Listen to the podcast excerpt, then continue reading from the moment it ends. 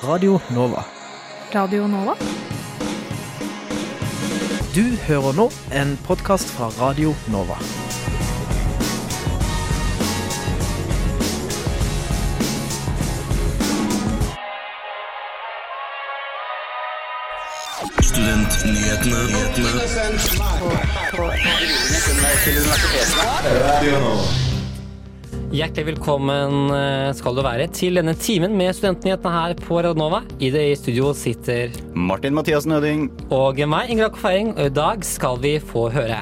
Ja, du skal få klart uh, Iselin Nybøs nye langtidsplan for forskning og høyere utdanning. Og studentenes fredspris gikk til jusstudenten Fasima Hassan. Du får høre fra tidligere psykologistudent som fikk beskjed om at hans utdanning ikke vil gi han grunnlag til å praktisere i Norge. Og student raser mot eh, mindre stipend. Og vi skal få høre hva Liberal Liste mener om statsbudsjettet. Men aller først i vår sending skal vi få ukas nyhetsoppdatering.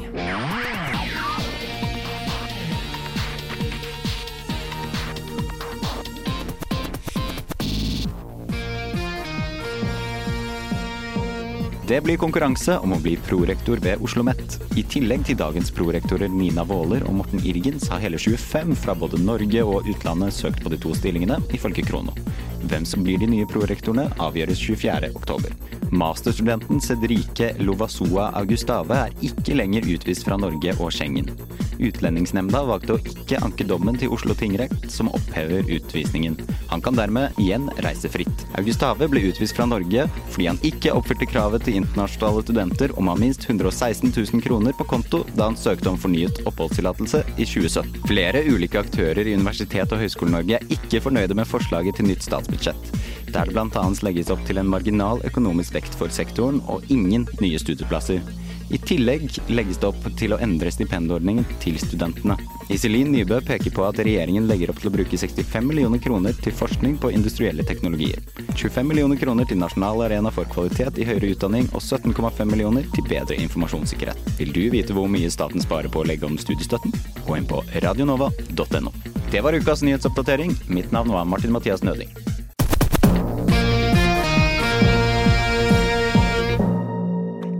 Sist mandag eh, kom ikke bare statsbudsjettet for 2019 ut, men også langtidsplanen for forskning og høyere utdanning. Det var minister Iselin Nybø som sto for den, og den ble lansert på Universitetet i Oslo tidligere denne uka. Men hva betyr det? Og om du blir litt sjøsyk, så bør du kanskje sitte ned, for her får du vår forklaring. Ohoi, landkrabber! Mandag ble langtidsplanen for forskning og høyere utdanning 2019-2028 lagt ut. Men hva er egentlig det? Og hva har det å si for deg, en student? Hopp om bord, så skal jeg fortelle deg. Langtidsplanene til regjeringen er for tiårsperioder, og det setter kursen for den politiske utviklingen videre. I regjeringens fireårsperiode har de konkrete tiltak planlagt, og de setter seil for å nå den kursen de vil dra. Da kan de også rette fokus på hvilken kurs samfunnsutviklingen tar. Den som ble lagt ut sist mandag, retter kikkerten på bærekraftmålene til FN, hvor høyere utdanning er gallionsfigurer for å nå disse målene trygt. Langtidsplanen 2019-2028 vil også føre i havn et grønt skifte, mer forskning rundt digitalisering og demokratisk utvikling og offentlig debatt.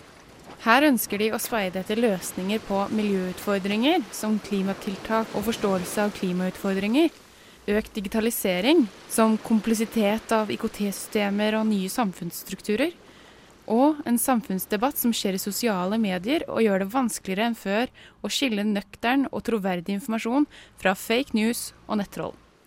Til slutt ønsker regjeringens mannskap å heise flagget og gjøre Norge mer synlig i norsk forskning. Globalisering bombarderer ikke bare systemet, men sender bølger som slår inn over det norske samfunn. Vår skute har et godt utdanna mannskap. Men det betyr ikke at staten ikke vugger i de røffe verdenshav. For å komme oss trygt i land har vi derfor behov for disse langtidsplanene, og kanskje fører det oss helt til skatt. Ja, vi får eh, i hvert fall lært litt om retningen til forskning og høyere utdanning der. Eh, reporter i saken Elise Skubberud, som kanskje fant skatten. Det vil altså Mosova med Jorden rundt, og vi skal fortsette litt eh, jorda rundt, for Fasia Fazia Hassan mottok tirsdag fredsprisen, eh, student, Studentenes fredspris. Snart 20 år har Studentenes og Akademikernes internasjonal hjelpefond, Norsk studentorganisasjon og Studentenes fredspriskomité delt ut Studentenes fredspris. Tirsdag kveld ble det klart at Studentenes fredspris 2019 går til den sørafrikanske jusstudenten Fasiya Hassan. Hun er 24 år og kjemper for lik tilgang til høyere utdanning gjennom sin ledende rolle i bevegelsen Fees Must Fall. I Sør-Afrika betaler studentene dyrt for å studere. Dette stenger dørene for den fattige delen av befolkningen og bidrar til stadig sosial ulikhet på tvers av etnisitet og klasse som det er vanskelig å bryte ut av. Studentbevegelsen Fees Must Fall, som Hassan har en ledende rolle i, startet høsten 2015 som en respons på en kraftig økning i studieavgifter ved sørafrikanske universiteter. De ønsker at det skal bli gratis å studere i landet. Til Universitas sier hun at hun har trosset sikkerhetspoliti og risikert fengsel for å lede denne bevegelsen, men at prisen minner hun på at alt arbeidet har vært verdt det. For meg er studentenes fredspris en bekreftelse. På tross av alle utfordringene, så var det å kjempe denne kampen den rette veien å gå, sa Hassan.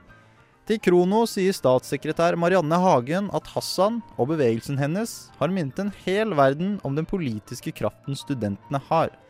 Hassan blir omtalt som en fremtredende lederskikkelse og rollemodell. Hun belønnes for sine evner til å være pragmatisk og ta i bruk fredelige virkemidler. Hassan skal ha klart å mobilisere til sammen flere tusen medstudenter. Høsten 2016 eh, kom sjokkbeskjeden. Norske psykologistudenter i Ungarn vil eh, ikke være kvalifisert til å jobbe i Norge. Og nå skal du få høre fra en av studentene. Velkommen til deg, eh, Mats Lindkjø Lindkjølen. Tusen takk. tusen takk. Eh, altså, hvordan, hva var det dere fikk beskjeden? Hva så, var det dere fikk beskjed om? Ja. Ok, I 2016 så var det da eh, hvor mange studenter En eh, del studenter som hadde da begynt på praksis og jobber på lisens. Så ordningen er sånn at uh, når du er uh, ferdig utdannet i Ungarn, og dette gjelder også da for så vidt Danmark og de som studerer der, at man jobber da på lisens i ett til to år. Det var ett år for de som hadde studert i, eller hadde vært da, ordningen. I Budapest var det ett år på lisens, og så avhengig av hva veilederen, for da har man veileder, jobber på en helseinstitusjon. da. Og så avhengig av veilederen blir man godkjent eller ikke, og da er man en autorisert psykolog. I Danmark er det to år. Eh, det som skjedde i 2016, var at de som jobbet på lisens, eh, måtte avslutte den perioden. Og mange av de var på vei til å bli ferdig, hadde jobbet et år på lisens og var. Veilederen hadde sagt at de var godkjent, men så ble det helt avbrutt. Og de som da søkte, som var da ferdig den sommeren, fikk ikke begynne på lisensen sin. Det, jeg gikk da siste året på masteren, altså fjerde året på løpet. Uh, og det blei møtt ved veldig mye ja, turbulens, og folk ble ganske ja, nervøse. Det var, det var det jeg lurte på. Hvordan var liksom uh, forløpet til at dere fikk beskjeden? Ble dere ledet inn i et rom, eller fikk dere bare en mail? Eller, og hvordan var reaksjonene rett etterpå?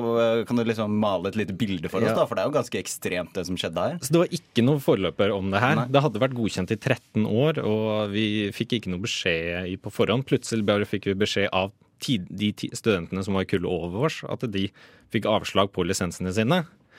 Og det var det eneste. Så det ble en sånn uh, uvisshet. Vi ante ikke hva som skjer. Mm. Og folk ble veldig eh, nysgjerrige om å vite mer. Og så var det veldig lite informasjon vi fikk fra Helsedirektoratet på det tidspunktet. Så det var Eller det har vært lite gjennom hele de to årene, men eh, det var eh, utrolig skremmende å se at det bare ut fra det blå, da, så ble det Så dere fikk liksom ikke noe offisiell melding? Fikk ikke noe offisiell beskjed. Vi Nei. fikk ikke Så eh, en stund etterpå så kom eh, Norges psykologforbund, tror jeg, og ga litt mer informasjon om hvordan vi burde gå frem videre. Men eh, det var lenge etterpå.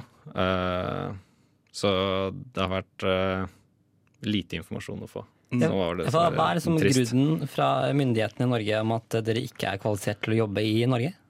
Så det de mente, var at det de mener da, fortsatt, er at uh, den jobben man gjør uh, etter en mas klinisk master i Ungarn, er ikke det samme som har ikke de samme rettighetene og jobber ikke på lik måte som en like autonomt da, som en psykolog gjør i uh, Norge etter en profesjonsutdanning.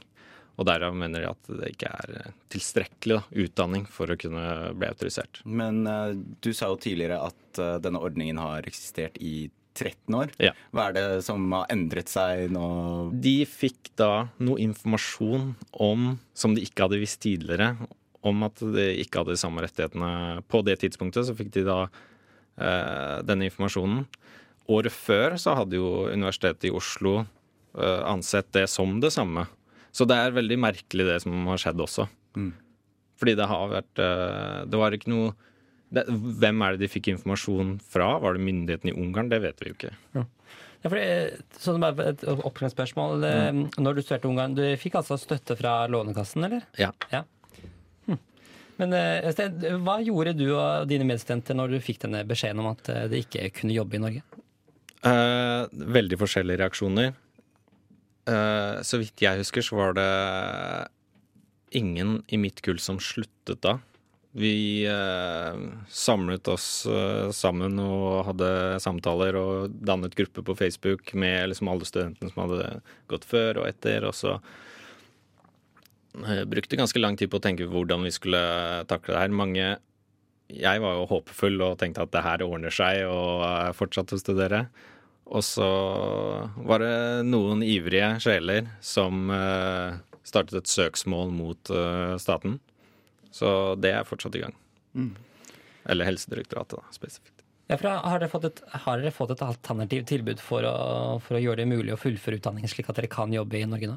Ja, så det er en uh, Så i det, det er i gang nå. Så de som da jobbet på lisens og var ferdig på lisens, de fikk da ekstra kursing nå i sommer.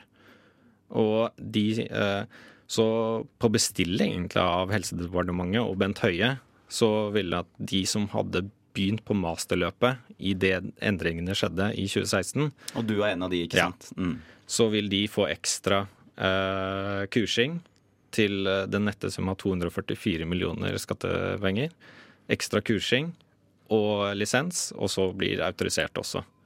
Men de som er der nå og studerer, de er fortsatt veldig usikre om uh, kommer til å bli autorisert. Og de hadde da startet på denne, dette utdanningsløpet før denne beskjeden hadde kommet? Ja, men de riktig? var på bachelornivå. Ja, ja. Mm. Så de gikk inn da i denne eh, utdanningen i god tro av at det de, skulle godkjennes i Norge også? Ja. Og de er der fortsatt, eller er det mange som har sluttet? Det er nok det? Jeg vet ikke noen tallene Nei. spesifikt, men jeg vet at det er en eh, Det var en veldig økning fra 2015 og 2016 og 20, mm. Eller det begynte vel kanskje i 2014, da. Mm. Og så i påløpende to-tre årene så var det en uh, veldig økning i antall studenter der nede. Og nå er det trappet ned igjen. da. Ja, så mens du studerte der, var det, noe hint fra myndighetene eller fra Norge om at uh, du kanskje ikke fikk jobb jobbe i Norge etter, etter utdanningen? Uh, etter at de, de Nei, mens ikke hadde... Du, mens du studerte der? Ja, fordi, fordi jeg gikk, studerte der jo når beskjeden hadde kommet. Mm. Og da var de veldig klare på at det er ikke sikkert dere kan bli autorisert. De, Helsedirektoratet var veldig klar på den beskjeden. Mm. Men det var jo ikke noen grunn for oss å, å slutte å begynne et annet sted på et langt løp igjen. Nei. Vi hadde jo på en måte, Det er jo fortsatt en master, så du har jo fortsatt noe jobbemuligheter. Men ikke det i hvert fall jeg hadde tenkt da, som å jobbe i, i helsesektoren som kliniker. Mm.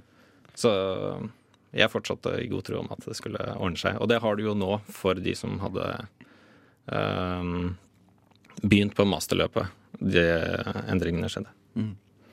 Hvordan blir veien videre for deg nå? Eh, får du lov til å jobbe som psykolog? Ja, så det kullet over meg, så uh, fikk de utdelt uh, praksisplasser nå nylig. Uh, og det var et par plasser igjen, så de som hadde søkt jo tidligere hadde søkt i mitt kull, de fikk også plasser fra tre igjen. Og så da og neste år så vil det da være disse praksisplassene som Helsedirektoratet har funnet fram, og de har spurt rundt på forskjellige helseforetak. Og de praksisplassene de delegerer oss, da.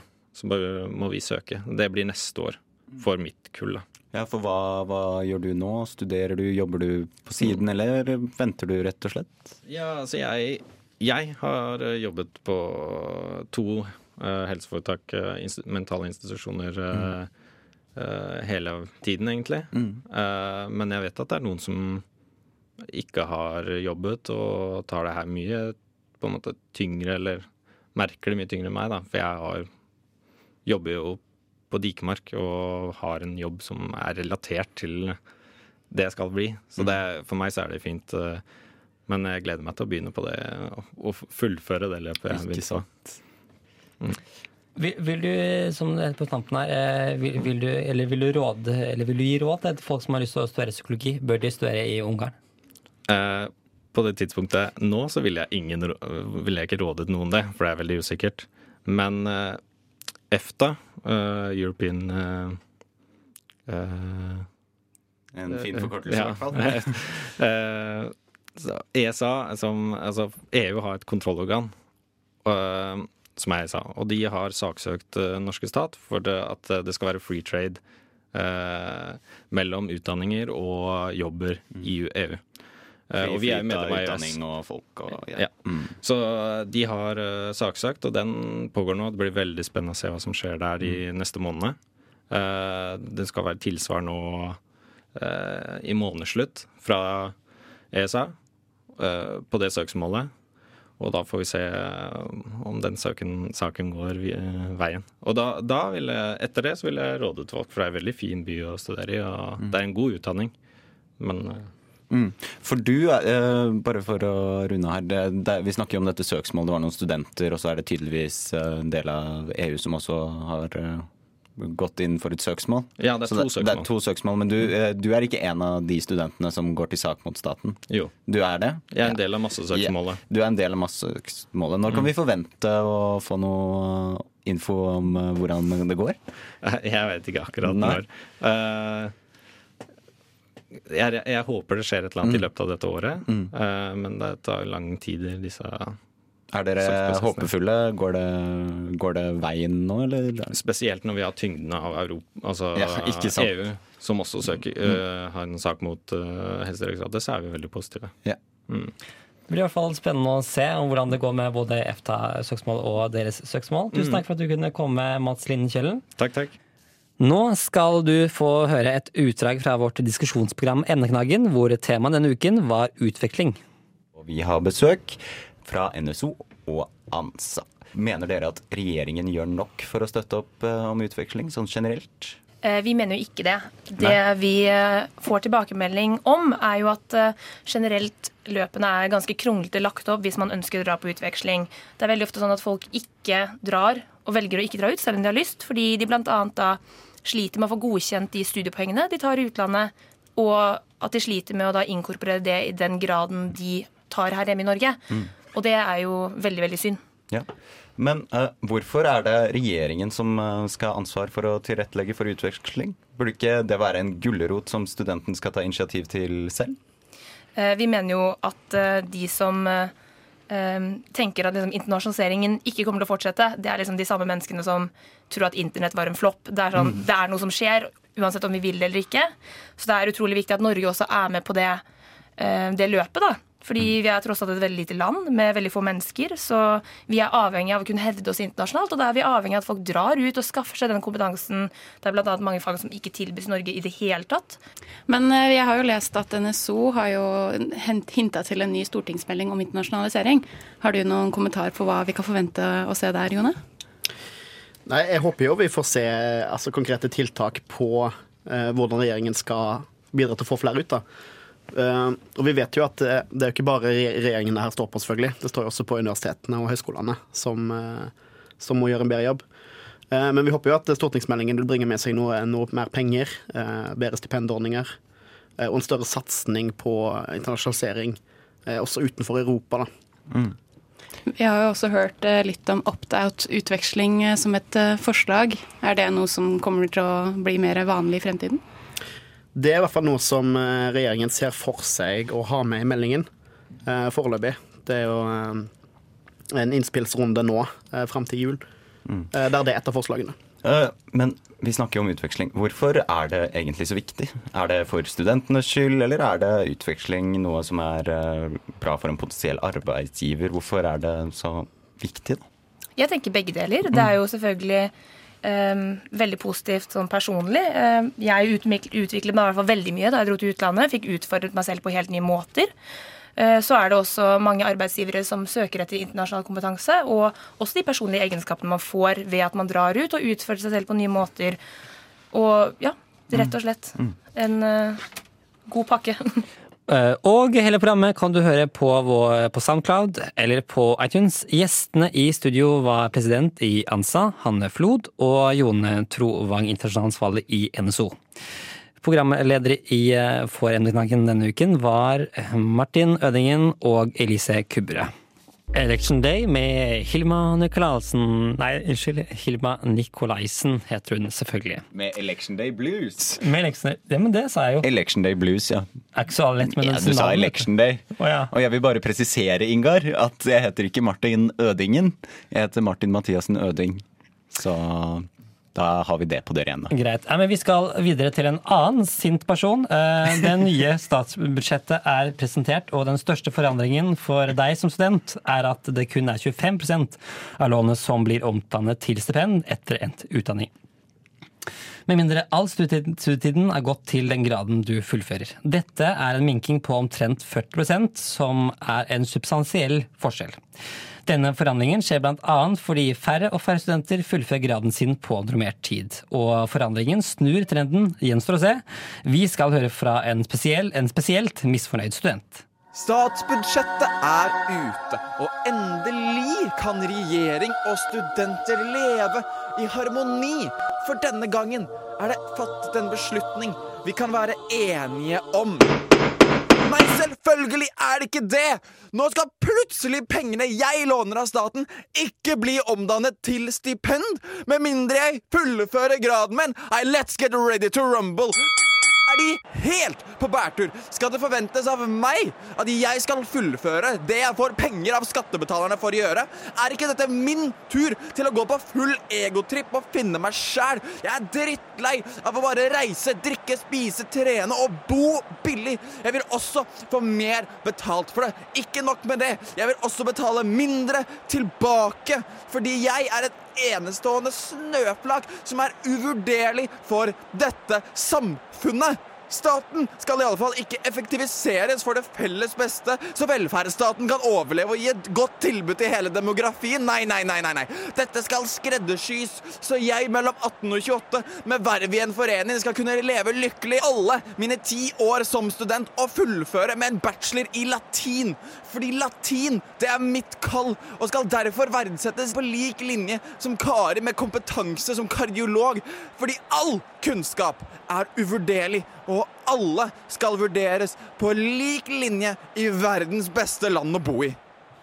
Der hørte du fra din medstudent Sinnataggen, og du kommer til å høre mer fra han utover semesteret. Lurer du på hvor mye staten sparer på mindre spend? Les mer på radionova.no. Og nå skal vi snakke litt om, eller ganske mye egentlig, om statsbudsjettet i studentpolitisk møte. For Siv Jensen la mandag denne uken frem forslag til statsbudsjett for 2019. Der var det flere ting som universitets- og høyskolesektoren TIK eh, reagerte på. Blant annet så har de foreslått å legge om dagens stipendordning, slik at du som student må fullføre en grad for å oppnå full stipend på 40% av studielånet. Fullfører du ikke en grad, må du nøye deg med 25 eh, og i dag, som du i dag oppnår eh, på for fullt stipend for å oppnå et studiepoeng som du får støtte for. I studio i dag har vi fått eh, med oss Amanda Haugenes Rygg fra Liberal Liste, og velkommen til deg. Eh, Hva er dine tanker om dette statsbudsjettet? Mm, Det er vel alltid sånn at man kunne ønske seg enda mer, at det kunne vært enda bedre. Men med tanke på rammene som Kunnskapsdepartementet har, så er jeg egentlig veldig fornøyd. Mm. Er det noen andre tiltak som du kunne ønske deg? Som eh, noe du skulle ønske at fokuset hadde vært mer på? Som studenter, da kanskje? Eh, Jeg kunne kanskje ønske meg enda mer støtte til eh, undervisere. Altså at man blir ansatt som underviser, ikke bare at det må være i sammenheng eh, med forskerstillingen din. For sånn som det er nå, så har jo regjeringen satt inn et krav om at du må ha pedagogisk eh, kompetanse, men så er det kanskje ikke alle eh, professorene som er sånn supergira for eh, Ja, for i dag så Det er jo det kravet om at du skal ha noe pedagogisk kompetanse, men eh, det er i hvert fall mitt inntrykk da, er at eh, forskerne fortsatt sitter med den innstillingen om at de er der mest for å forske, og så, det- ja, så kan de gå ned i auditoriet og snakke litt om det de driver med. Det er liksom ikke så, fokus, så mye fokus på å lære bort, det ligger mer ansvar på studentene. Da er det riktig? Ja. Ja, Det er i hvert fall sånn mitt inntrykk, da. Ja. Er det sånn der? Ja, jeg har også liksom samme Mm, inntrykk at det er flere som underviser bare fordi de må. Og så er det liksom, de forbereder seg ikke godt nok når de kommer. Og så bare, ja, jeg har egentlig ikke planlagt så mye for denne forelesningen, men vi kan slå opp og se i kapittel tre. Liksom, og Les litt av vi- powerpointen fra 2016. Ja. ja, den her powerpointen er det egentlig ikke jeg som har laga, men å ja, ja, den ligningen den kan vi bare se bort ifra, så går vi videre. Eh, så jeg kunne kanskje ønske at man istedenfor uh, hadde gitt muligheten for da, å ansette undervisere som kun var der for å undervise, og ikke at man tvang professorene til å skulle undervise. Men så syns jeg når man først skal ha eh, professorene til å undervise, så syns jeg det er kjempebra at eh, de må ha pedagogisk kompetanse. At de nå setter inn et krav om pedagogisk kompetanse for nyansettelser, og for at du skal få opprykta eller bli forfremmet. Et uh, bitte lite spørsmål før vi hopper tilbake til statsbudsjettet, men også vi snakker om pedagogisk uh, kompetanse. Så hva, tenker, hva tenkte du og Liberal Liste når uh, denne tordentalen fra denne jusprofessoren kom ut? Hva var deres reaksjoner da, bare når vi snakker om dette? Ja, reaksjonen var liksom Ja, det er derfor vi trenger det. Mm. At uh, professorene selv ser ikke det studentene ser. Studentene har lenge, altså Flere av studentene har sittet og følt på dette her, at dette er en uh, underviser jeg ikke får noe ut av. Jeg kunne ikke gjerne sitte hjemme og lese, men så møter du opp enten fordi det er obligatorisk, eller fordi du på en måte føler det er en forventning om at du må møte opp der. Mm. Uh, så jeg var bare, tenkte bare ja, det er nettopp grunnen til at vi trenger den Mm. endringen. Ja, hva kan gjøres for at eh, de skal bli bedre til å undervise i dag? De må lære seg å undervise. Eh, flere av dem har kanskje sittet litt for lenge over bøkene sine, over papirene sine inne på et eh, kontor, og vet veldig godt selv eh, hva kunnskapen de forsker på handler om.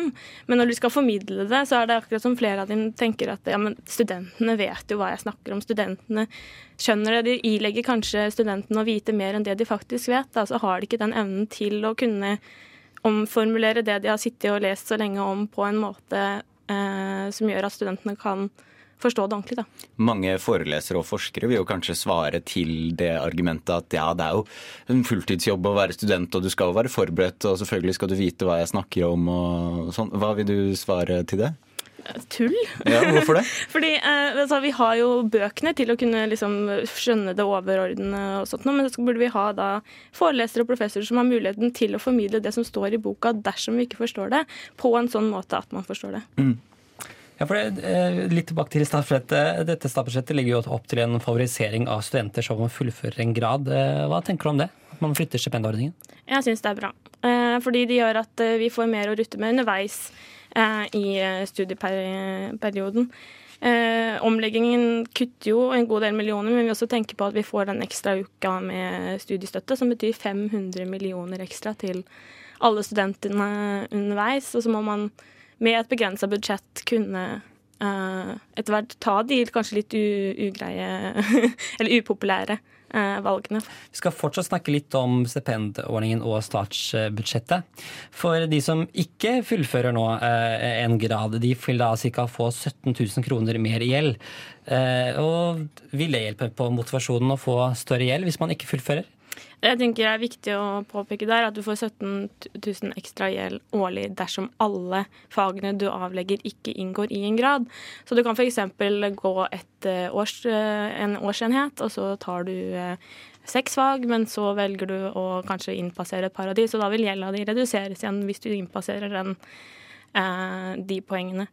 Um, men jeg tenker det er en et godt insentiv for de som kanskje står litt på vippen da, om eh, å velge skal, skal jeg ta et fag som ikke inngår i graden min, eller skal jeg ta et fag som faktisk går på eh, graden. Og så tenker jeg at eh, man skal jo legge til rette for eh, sånn faglig utvikling, og at man skal kunne utvide horisonten sin og hele den greia der. Men da tenker jeg at det må stå på utdanningsinstitusjonene og ikke staten.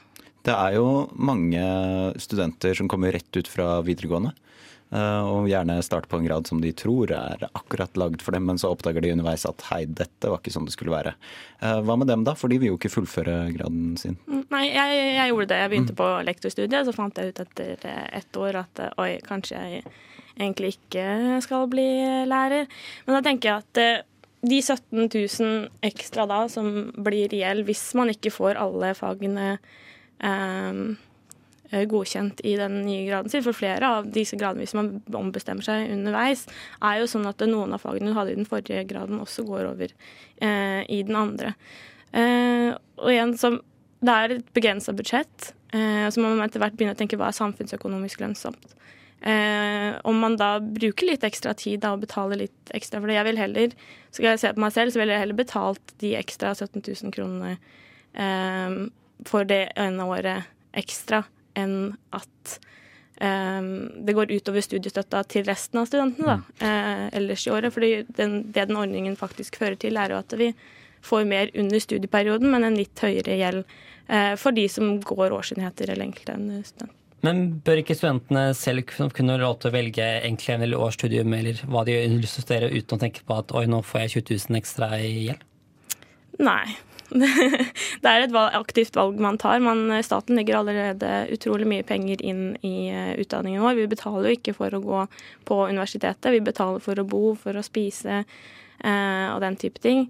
Eh, og som sagt så tenker jeg det er bedre at, at man får litt den ekstra gjelda, da. Eh, og heller har Og mer dette er også posisjonen til liberal liste. Jeg vil bare bekrefte her. Eller er det, snakker du som en enkeltperson? Eh, det er litt delte meninger Mhm. eh, i lista. Kanskje litt sånn eh, 50-50, vil jeg si. I hvert fall, I dag så er det seks av ti som ikke fullfører graden sin. Eh, og endringsspenn er jo en løsning på det problemet. Hva bør gjøres da for å få flere til å fullføre? Eh, det blir jo, Den endringen som nå skjer, blir jo på en måte en gulrot for de som eh, ønsker å bare ta gradsrelaterte emner. Eh, men samtidig så har også regjeringen nå satt i gang et arbeid for å sette inn eh, mentorer på alle universitetene for alle studentene. Noe som jeg også tenker er utrolig viktig å ta med når vi diskuterer dette budsjettet, er at det går tilbake til studentene. Vi får mer å rutte med i måneden. Det blir pedagogiske krav og meritteringssystemer innen 2019. Um, og den mentorordningen som da skal komme inn, spiller også på lag med studentene. Dere i Liberalister jobber jo også med at man skal få fleksibil større fleksibilitet som, fleksibilitet som student. Eh, og, og vil at, at man skal ha mer ja, fleksibilitet for å gi mer tid til å studere. Hvordan påvirker statsbudsjettet i forhold til å gi studentene mer fleksibilitet? Vi får jo mer fleksibilitet fordi vi kan bruke mer tid på studiene, og ikke fokusere i like stø- stor grad på eh, deltidsjobb, f.eks. Hvis vi ser på planen til Stoltenberg II-regjeringen, eh, så ville vi hver student hatt eh, noe sånt som 11 000 kroner mindre å rutte med eh, årlig, som ville betydd mindre frihet, fordi man da måtte ha jobba mer. Mm. Uh, litt sånn, uh, bare for å skyve det litt bort. Uh, altså statsbudsjettet, hva er det dere i Liberal liste jobber med nå? Hva er fokuset deres? Vi er jo ferdig med valget som var på våren, men hva er det dere jobber med nå? Akkurat nå er det de døgnåpne lesesalene. Eh, og så fikk vi også et gjennomslag for eh, vi har- vært mye fokus på psykisk helse. Nå eh, På handlingsplanseminaret så fikk vi gjennomslag for forslaget om at vi skulle ha et lavterskeltilbud for studenter som ønsker å komme innom og snakke om hvordan de har det, eh, bare trenger noen å snakke med, et sted som har faste åpningstider, og hvor du kan komme innom uten å måtte bestille time. Da. Så det er liksom de to tingene vi har fokusert på, hvor den ene allerede har fått gjennomslag i studentparlamentet, så spørs det hva UiO velger seg. Å Det får bli siste ord i denne sak eh, denne gangen. Takk til Amanda Hagnes, eh, Hagnes Rygg fra Liberal liste. Den nye studentordningen vil gjelde for alle studenter som tar opp lån i studieåret 2019 til og 2020. Jeg har egentlig sagt det, men jeg kan si det en gang til. Radio Nova. På, DAB og nettradio. På radionova.no. Jeg har egentlig sagt det, men jeg kan si det en gang til. Radio Nova. Klokken nærmer seg tolv. Det betyr at Studentnyhetene er over for denne gang. Sjekk gjerne ut vår eh, Studentnyheter på sosiale medier. Du kan lytte på vår podkast i iTunes, Soundcloud eller på redernova.no. I studio i dag var Martin Mathiassen Ødingen. Yeah, eh, nei, Tekniker øding. var, øding. Martin, tekniker var Magnus Tune, og mitt navn det var Ingar Jakob Feiring. Du har hørt en podkast fra Radio Nova. Likte du det du hørte? Du finner flere podkaster i iTunes og på våre hjemmesider radionova.no.